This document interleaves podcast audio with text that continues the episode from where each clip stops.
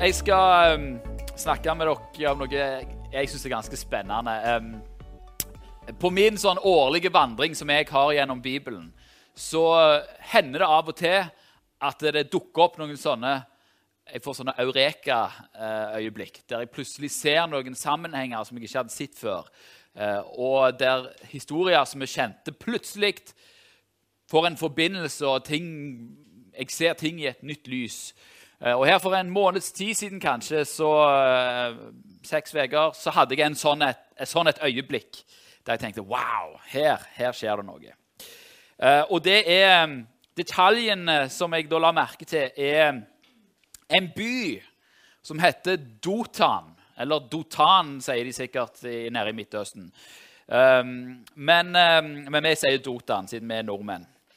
Um, og Det er jo ikke en by som sikkert mange av dere har hørt om en gang. Og det er ikke så rart, for den er nevnt bare to ganger i hele Bibelen. Uh, og vi skal se litt på de gangene den er nevnt. Uh, og så, så Jeg har liksom kalt denne talen for 'Lærdommer fra Dotan'. Nå, hvor ligger da Dotan? Jo, uh, Dotan det er en by som lå noen mil nord for Samaria i, eh, i, i, Israel. I dag ligger det helt nord på det som kalles for Vestbredden. Um, begge, altså, begge gangene denne byen er nevnt i Bibelen, så er byen et åsted for onde hensikter. Og I dag skal vi se litt nærmere på hva de onde hensiktene er for noe. Hvordan Gud responderer på de onde hensiktene. Hvordan de som er målet for de onde hensiktene, reagerer. Og hva som blir da resultatet av det hele. Er dere klar for den? Ja, det er bra. Den andre gangen denne byen nevnes. Altså, Vi skal begynne med den andre gangen og ikke den første gangen. Den andre gangen denne byen nevnes, er i andre kongebok, kapittel 6. Så da kan dere bli med dertil. Vi skal lese fra vers 11 til 18.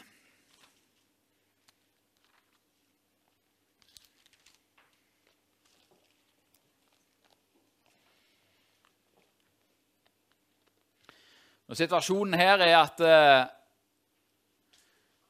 dette er i tida der uh, Juda og Israel er to riker. Så du har et Nordrike og et Sørrike i, i, i Israel. Og I Nordriket er Samaria hovedstad, og der går det sånn stort sett ganske dårlig. Uh, og nå er det sånn at Nord-Israel eller Israel og Syria de ligger i krig.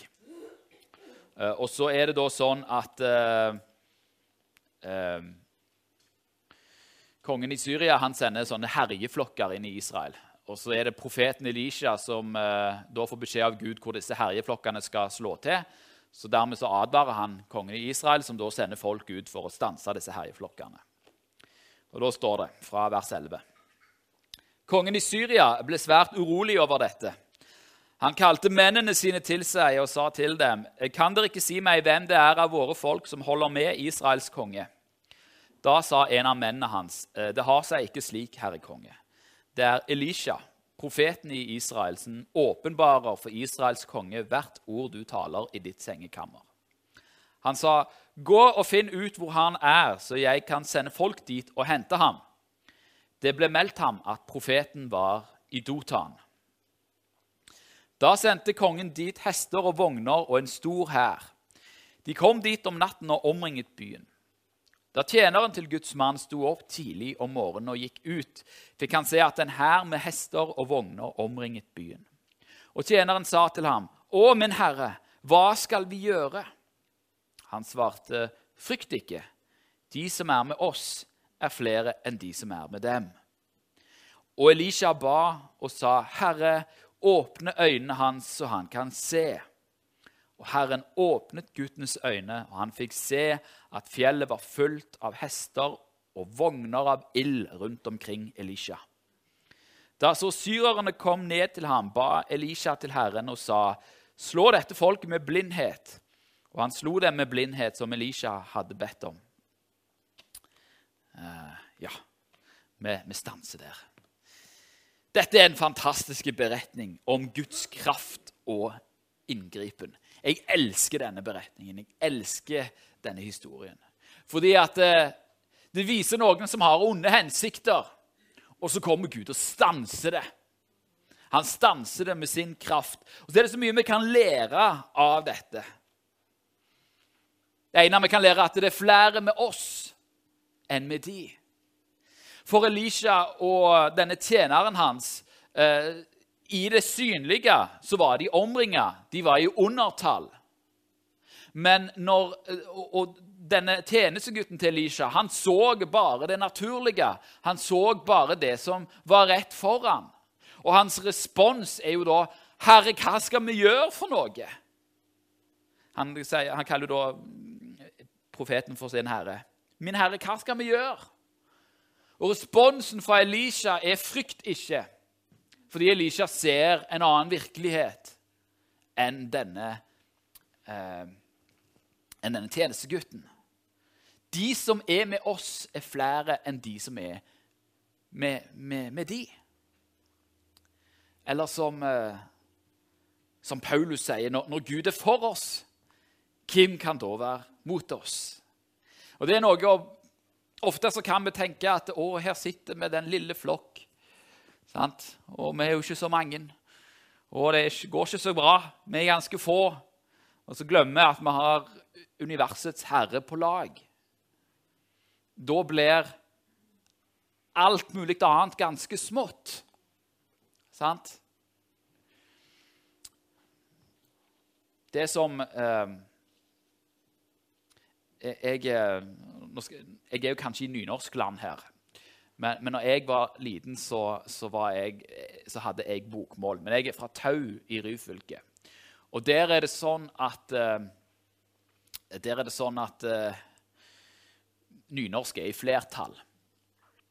Men på landsbasis er jo ikke nynorsk i flertall. Men når min far prøvde å fortelle meg det, at nei, altså i Norge så, så er det sånn at det er flere som skriver bokmål enn nynorsk, så, så trodde ikke jeg på det. Fordi at det, det jeg så, var at de som var i, i, i parallellklassen min og som hadde nynorsk, de var jo flere enn de i, som hadde bokmål. Så det som var sant på et litt sånn større Ja, var ikke sant her. Sant? Det var ikke sant i min virkelighet. Og På samme måte så kan vi ofte bli blinde av at vi har en for snever virkelighet. Vi ser bare utfor oss, og så ser vi ikke det hele store bildet. Men, men når profeten Elisha utfordrer eller sier, åpne guttens øyne så han kan se. Så det handler om å få lufta blikket og se et større perspektiv. Et perspektiv der, også, der Gud jobber, og Gud er til stede og jobber med sin kraft. Det er spennende. Og Det er det perspektivet vi òg kan ha. sant? Mange av oss, når denne pandemien kom, så var det, liksom, det er jo litt sånn som en hær som blir liksom, invadere oss. Du får liksom 9. april om igjen. Hva, skal være responsen? Jo, responsen er den samme. Frykt ikke. Gud har kontrollen. Gud har kontrollen. Så det er det gangen Dota, nei, andre gangen Dotan nevnes. Nå skal vi ta turen til første gangen Dotan nevnes. og Det er i første Mosebok, kapittel 37. Da kan dere reise med meg dertil.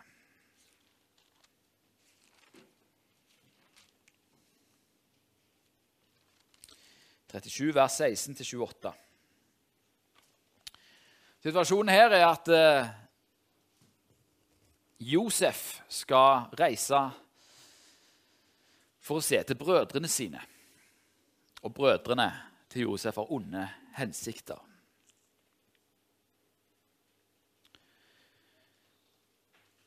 Han svarte, han svarte, 'Jeg leter etter brødrene mine. Kan du hjelpe meg å si meg hvor de gjeter?' Mannen sa, 'De har dratt herfra.' Jeg hørte dem si, 'La oss gå til Dotan.' Så gikk Josef etter brødrene sine og fant dem i Dotan. De så ham langt borte, og før han var kommet fram til dem, rådslo de om å drepe ham. De sa til hverandre, 'Se, der kommer denne drømmemesteren.' Kom nå, la oss slå ham i hjel og kaste ham ned gjennom brønnene her. Vi sier et villdyr har ett ham opp. Så skal vi se hva det blir av drømmene hans. Men Ruben hørte dette og reddet ham ut av deres hender. Han sa, la oss ikke ta livet av ham, eller la oss ikke ta livet hans. Ruben sa til dem, utøs ikke blod. Kast ham ned i denne brønnen her i ørkenen, men legg ikke hånd på ham. Dette sa han fordi han ville fri Josef ut av deres hånd og føre ham tilbake til hans far. Og Det skjedde da Josef kom fram til brødrene, rev de kappen av ham, den side kappen som han hadde på seg. Så tok de ham og kastet ham ned i brønnen. Den var tom, det fantes ikke vann i den. Og de satte seg ned for å ete. Da de så opp, fikk de se et reisefølge av ismalitter som kom fra Gilead. Kamelene deres var lesset med krydderier og balsam og ladanum som de førte med seg til Egypt. Da sa Juda til brødrene.: Hva gagner det at vi slår broren vår, vår i hæl og skjuler drapet? Kom, la oss selge ham til ismalittene, men la oss ikke legge hånd på ham. Han er jo vår egen kjødelige bror. Og brødrene hørte på ham. Da de midjanistiske kjøpmennene kom forbi, dro de Josef opp av brønnen. Så solgte de Josef til ismalittene for 20 sekel sølv, og de tok Josef med seg til Egypt.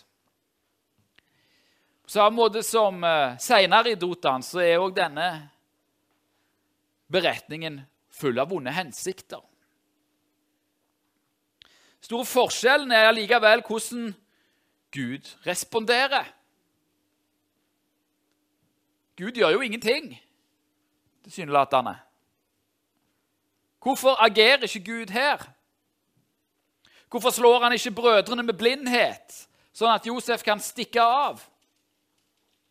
Hvorfor viser han ikke sin veldige kraft her?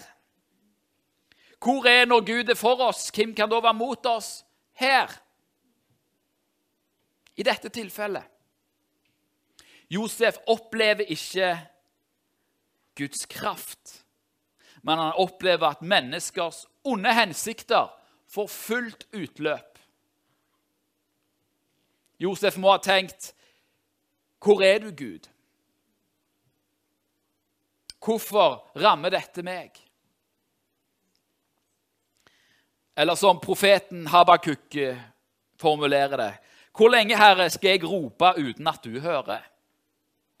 Jeg klager for deg over vold, og du frelser ikke. Hvorfor lar du meg se urett? Hvordan kan du sjøl se på sånn en elendighet? Vi kan stille oss det samme spørsmålet når vi ser på Midtøsten i dag. Når raketter går den ene veien og jagerfly den andre veien. Hvordan kan du se på sånn elendighet? At barn og uskyldige mister livet? Hvorfor gjør du ikke noe, Herre? Kommer du ikke med din kraft?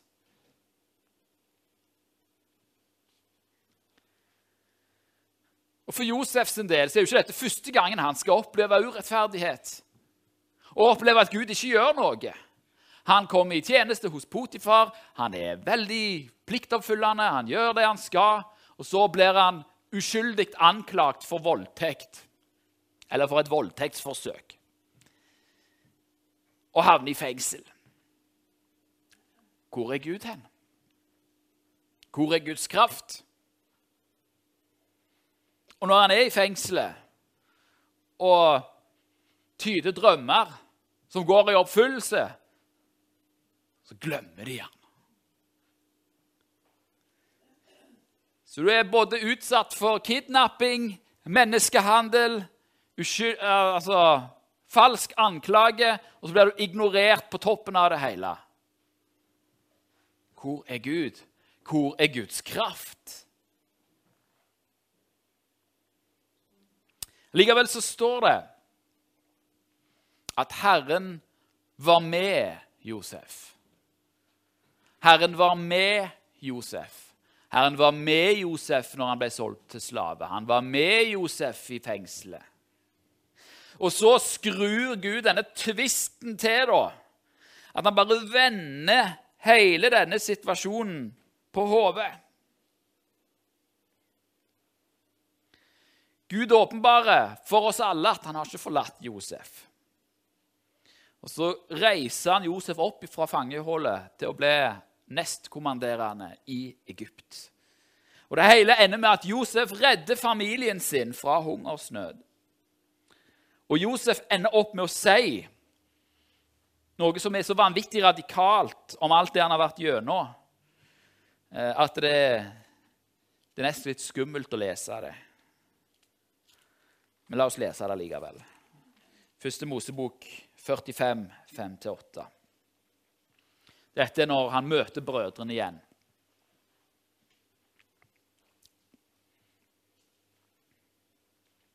Og så sier han Men vær nå ikke bekymra eller urolige fordi dere solgte meg her. Dette er 5, 5-8. 45, 5-8. Vær nå ikke bekymra eller urolige for at dere solgte meg her. Det var jo for å berge liv at Gud sendte meg i forveien for dere. At Gud sendte meg i forveien for dere. Nå har vi hatt to hungersår i landet, og ennå kommer det fem år da det verken skal pløyes eller høstes. Men Gud sendte meg i forveien for dere, fordi han ville at det skulle være en rest av dere på jorda, for å holde dere i live så det ble en stor frelse. Så er det da ikke dere som har sendt meg her, men Gud.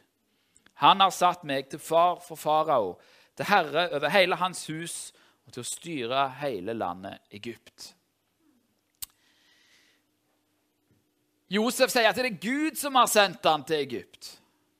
Ja, men hjelpe meg, da. Her har du gått igjennom den ene urettferdigheten etter den andre. Og Gud har holdt tilbake sin kraft. Han har ikke kommet med sin kraft. Men så snudde Gud det til sin fordel, til sin hensikt.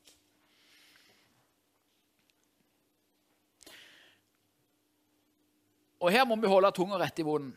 For jeg tror ikke at Gud hadde til hensikt å føre ulykke over Josef. Men han tillot at ulykken kom over Josef.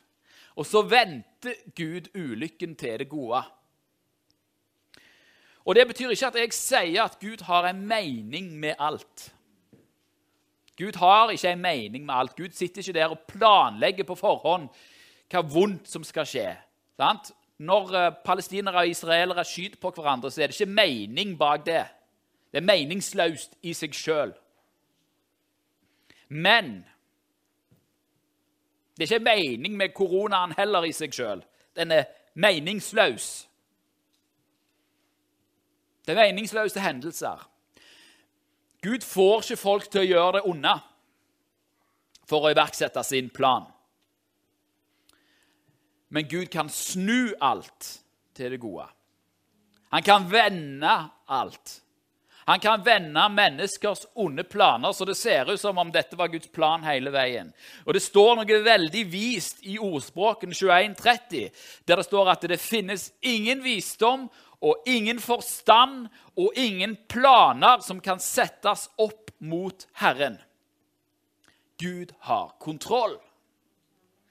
Det betyr at uh, uansett hva mennesker måtte finne på å gjøre, Uansett hvordan mennesker prøver å splitte og prøver å gjøre alt mulig ondt og fælt mot hverandre, så betyr ikke det at Gud ikke har kontroll. Gud vender alt og kan vende alt til det gode.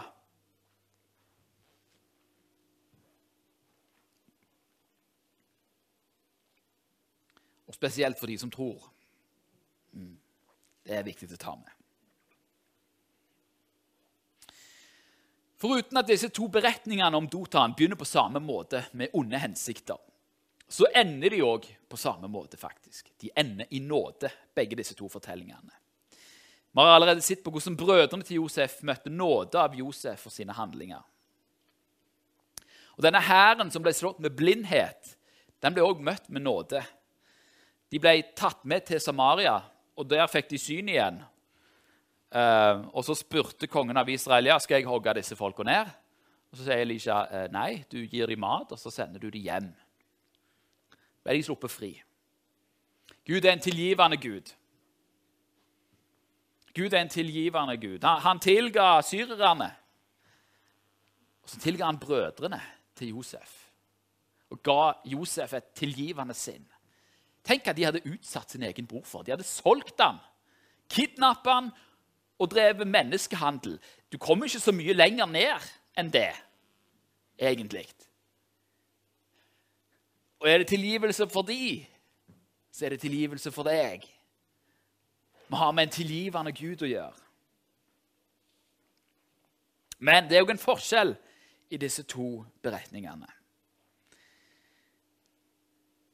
Nåden som disse brødrene fikk, den førte til noe annet enn nåden som syrerne fikk. Nåden som brødrene fikk eh, Nei, nåden som syrerne fikk, eh, var ikke så veldig langvarig. Eller det førte ikke til noe godt over veldig lang tid. Når vi leser denne historien isolert sett, så, så står det i 2. kongebok 623 at siden kom det ikke mer syriske herjeflokker inn i Israels land. Og Hvis vi bare setter stopp der, så er jo dette en veldig fin historie. Sant? Om at yes, så tok de til ved. Sant? Men i verset etterpå så står det at eh, En tid etter så samla kongen i Syria Ben-Hadad hele hæren sin og drog opp og beleira Samaria. Det var ikke så veldig lenge, altså. De hadde ikke lært. Vi ser at eh, de hadde møtt den levende Guds kraft.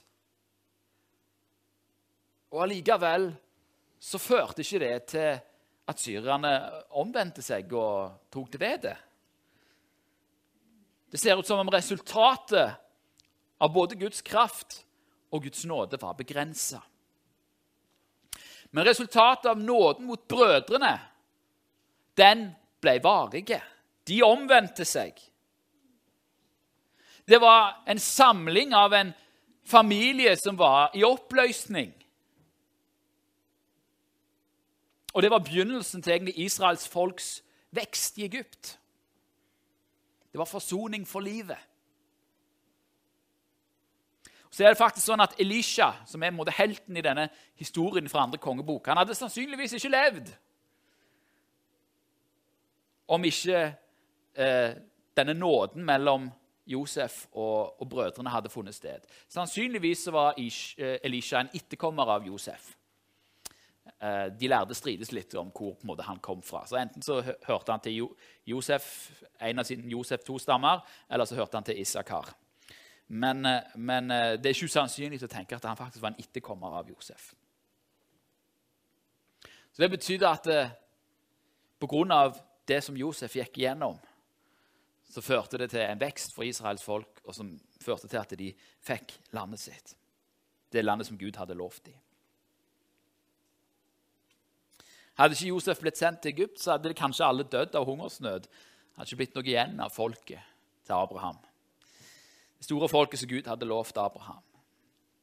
Og Det er dette da som drar oss over i en sånn paradoks som viser en stor hemmelighet i Guds rike, og som bør få deg til å hoppe av fryd og glede. Det er et mønster som går igjen. Eh, det er nesten litt skummelt å si det, det er jo en tolkning, dette her.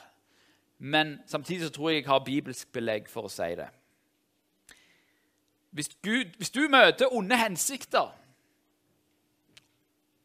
og Gud viser seg i sin kraft og allmakt, så vinner du. Hvis Gud ikke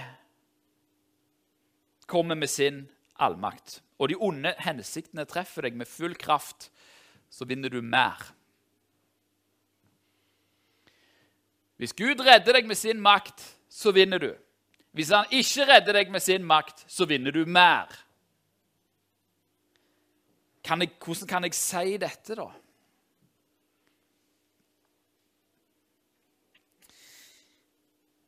Ta Samson, for eksempel. Samson han, eh, han, var fullt av Guds, uh, han var fullt av Guds ånd og hadde da strid med filistrene.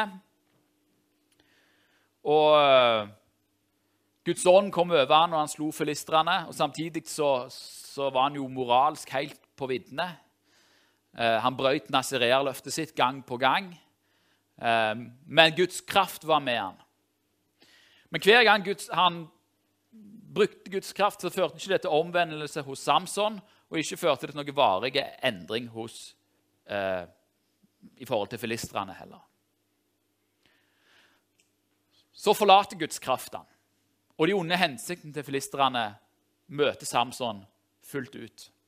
Han blir fanga, blinda, og så blir han eh, stilt til, til, latter. Og så ber han en, en siste bønn der han, der han omvender seg.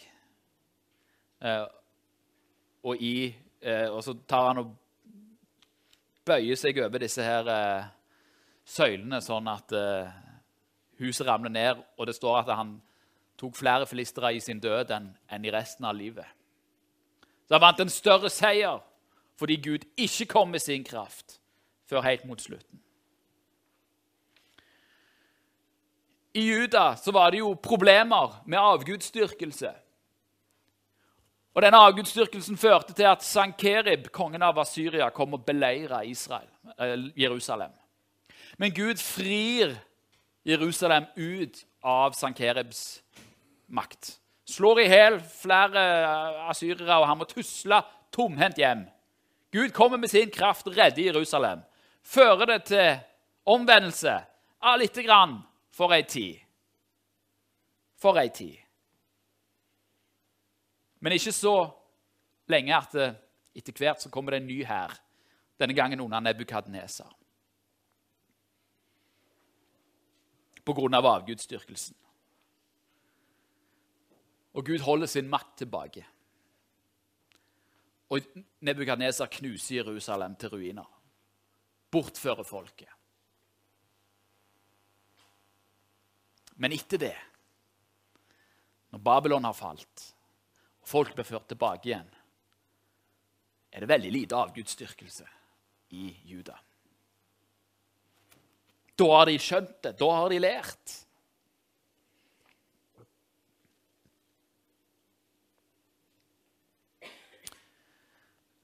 Når Jesus gikk rundt på jorda, så demonstrerte han Guds makt hele tida. Han gjorde under, han helbreda folk.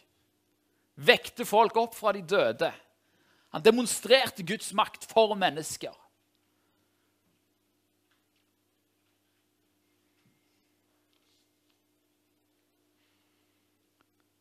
Førte det til at folk trodde at han var Messias? Ja, en god del.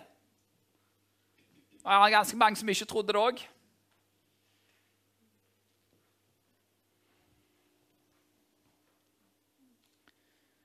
På mange måter så var Jesus som Elisha. For Elisha gikk òg rundt og gjorde under. Han var en god mann. Det kunne ha endt der. Men så la jo da Gud folket både få arrestere Jesus dømme Jesus, torturere Jesus, korsfeste Jesus, og han dør. Kom ikke med sin kraft og redde Jesus. Men i det, i tapet, i at uh, de onde hensiktene fikk fullt utløp, sant? så frelste Gud verden. Og så vant Jesus seier over synd og død, sånn at vi hedenske folk som lever 2000 år etterpå, ikke bare har hørt om han, men vi kjenner han. Og vi tilber han. Og Det samme gjør to milliarder andre mennesker på denne verden.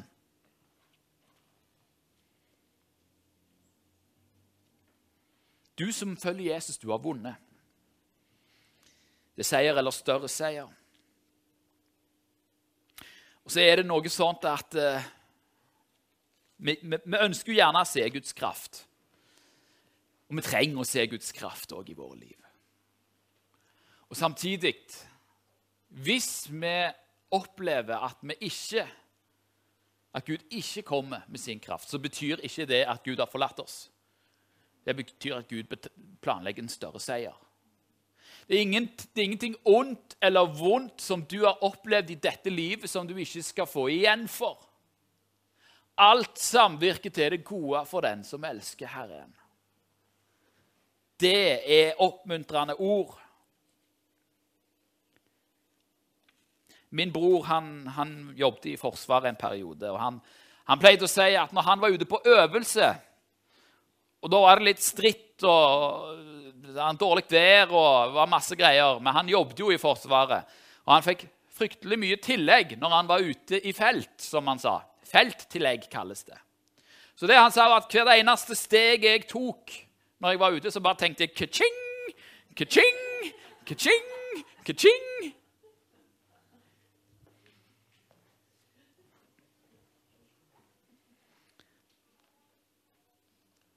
Den samme holdningen kan vi ha til smerte og ting som vi opplever i livet. Tenk om vi kunne ha den holdningen, da.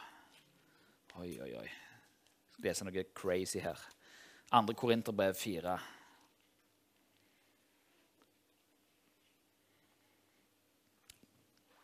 Seksten til 18. I alt vi går igjennom, så skal vi ha dette her. Derfor mister vi ikke motet. Og selv om vårt ytre menneske går til grunne, så fornyes vårt indre dag for dag.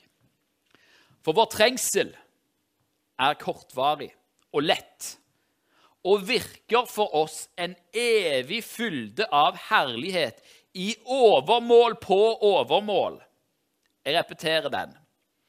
For vår trengsel, altså vår trengsel er kortvarig og lett, og vår trengsel virker for oss en evig fylde av herlighet i overmål på overmål. For vi har ikke det synlige for øya, men det usynlige.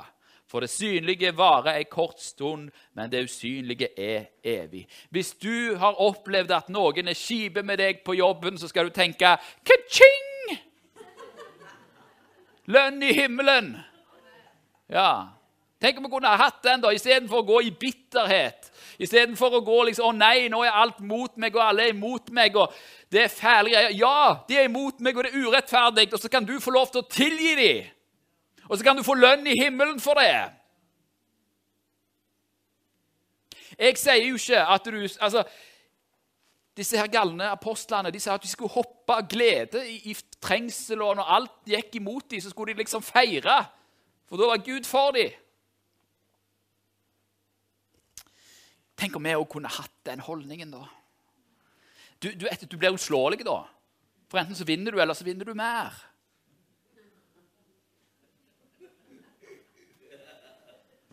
Det, det, det er det vi må komme i. Og, og, og, dette her er ikke for å, for, å, for å Jeg sier ikke dette for å gjøre smerten din mindre. For hvis du sitter der i brønnen, så, så har du det vondt. Og jeg tror ikke at Josef hadde en sånn en stor tanke. 'Å, jeg lurer på hva Gud har tenkt å gjøre med dette.' Han hadde det kjipt. Han trygla dem om at han ikke skulle selge dem. Smerte er ekte. Det vonde vi opplever, er ekte. Men Gud er med oss, og Gud trøster oss. Og det er håpet som vi holder fast på. At ingenting av det som er vondt og vanskelig her i denne verden, er forgjeves. Ingenting er forgjeves for de som tror på Jesus. Og alt som vi opplever som er smertefullt, skal vi få igjen. Enten i dette livet eller i det neste. Det er ikke alt vi får igjen i dette livet. Noe får vi igjen i det neste livet. Men så av og til så ser vi at ting blir snudd opp ned. Så viser Gud at han er trofast. Skal vi be sammen? Kjære Jesus, jeg takker deg, Herre, for din kraft. For at du er ikke en impotent Gud, men du er en Gud som kan redde oss med din kraft. Som kan snu alle situasjoner med din kraft. Så takker jeg òg, Herre, at du har ikke lovt at vi skal være fri for all motstand, fri for all ondskap, fri for, for, for, for alt det onde. Men du har sagt at du skal være med oss, og du vil vende det til seier. Enten i dette livet eller i det neste. Så takker jeg her for at vi kan komme fram for deg i dag. Vi kan legge våre liv fram for deg, og så kan vi tenke sånn som du tenker så kan vi se at det fins bare seier i ditt rike. Det er seier eller det er mer seier. Så ser du her de som sitter i dag og som har smerte. Smerte som er ekte. Takk, Herre, at eh, de som stoler på deg og tror på deg, deres smerte skal ikke være forgjeves. Men du skal gi dem igjen for alt de har måttet lide i denne verden. Så takker jeg for at du evner å snu det onde og det vonde til det gode. Herre, du ser, Herre, jeg ber for de som, som virkelig trenger et mirakel i dag.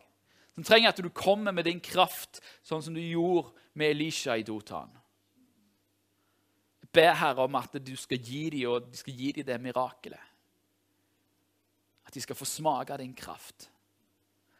Og så ber jeg om at inntil de ser det mirakelet, at de skal vite at du er med dem sånn som du var med Josef. At du er med dem i din kraft. At du er med dem i smerten. Og at den smerten som de går gjennom, ikke er forgjeves. Men at du kan snu det og vende det til din plan. Takk, Herre, at ingen tanker, ingen planer kan stås opp mot deg, Herre. Ingenting kan settes opp mot deg, for du har kontrollen. Og du vender alt til det gode for de som tror. Takk, Herre, at vi kan tro på deg. Amen.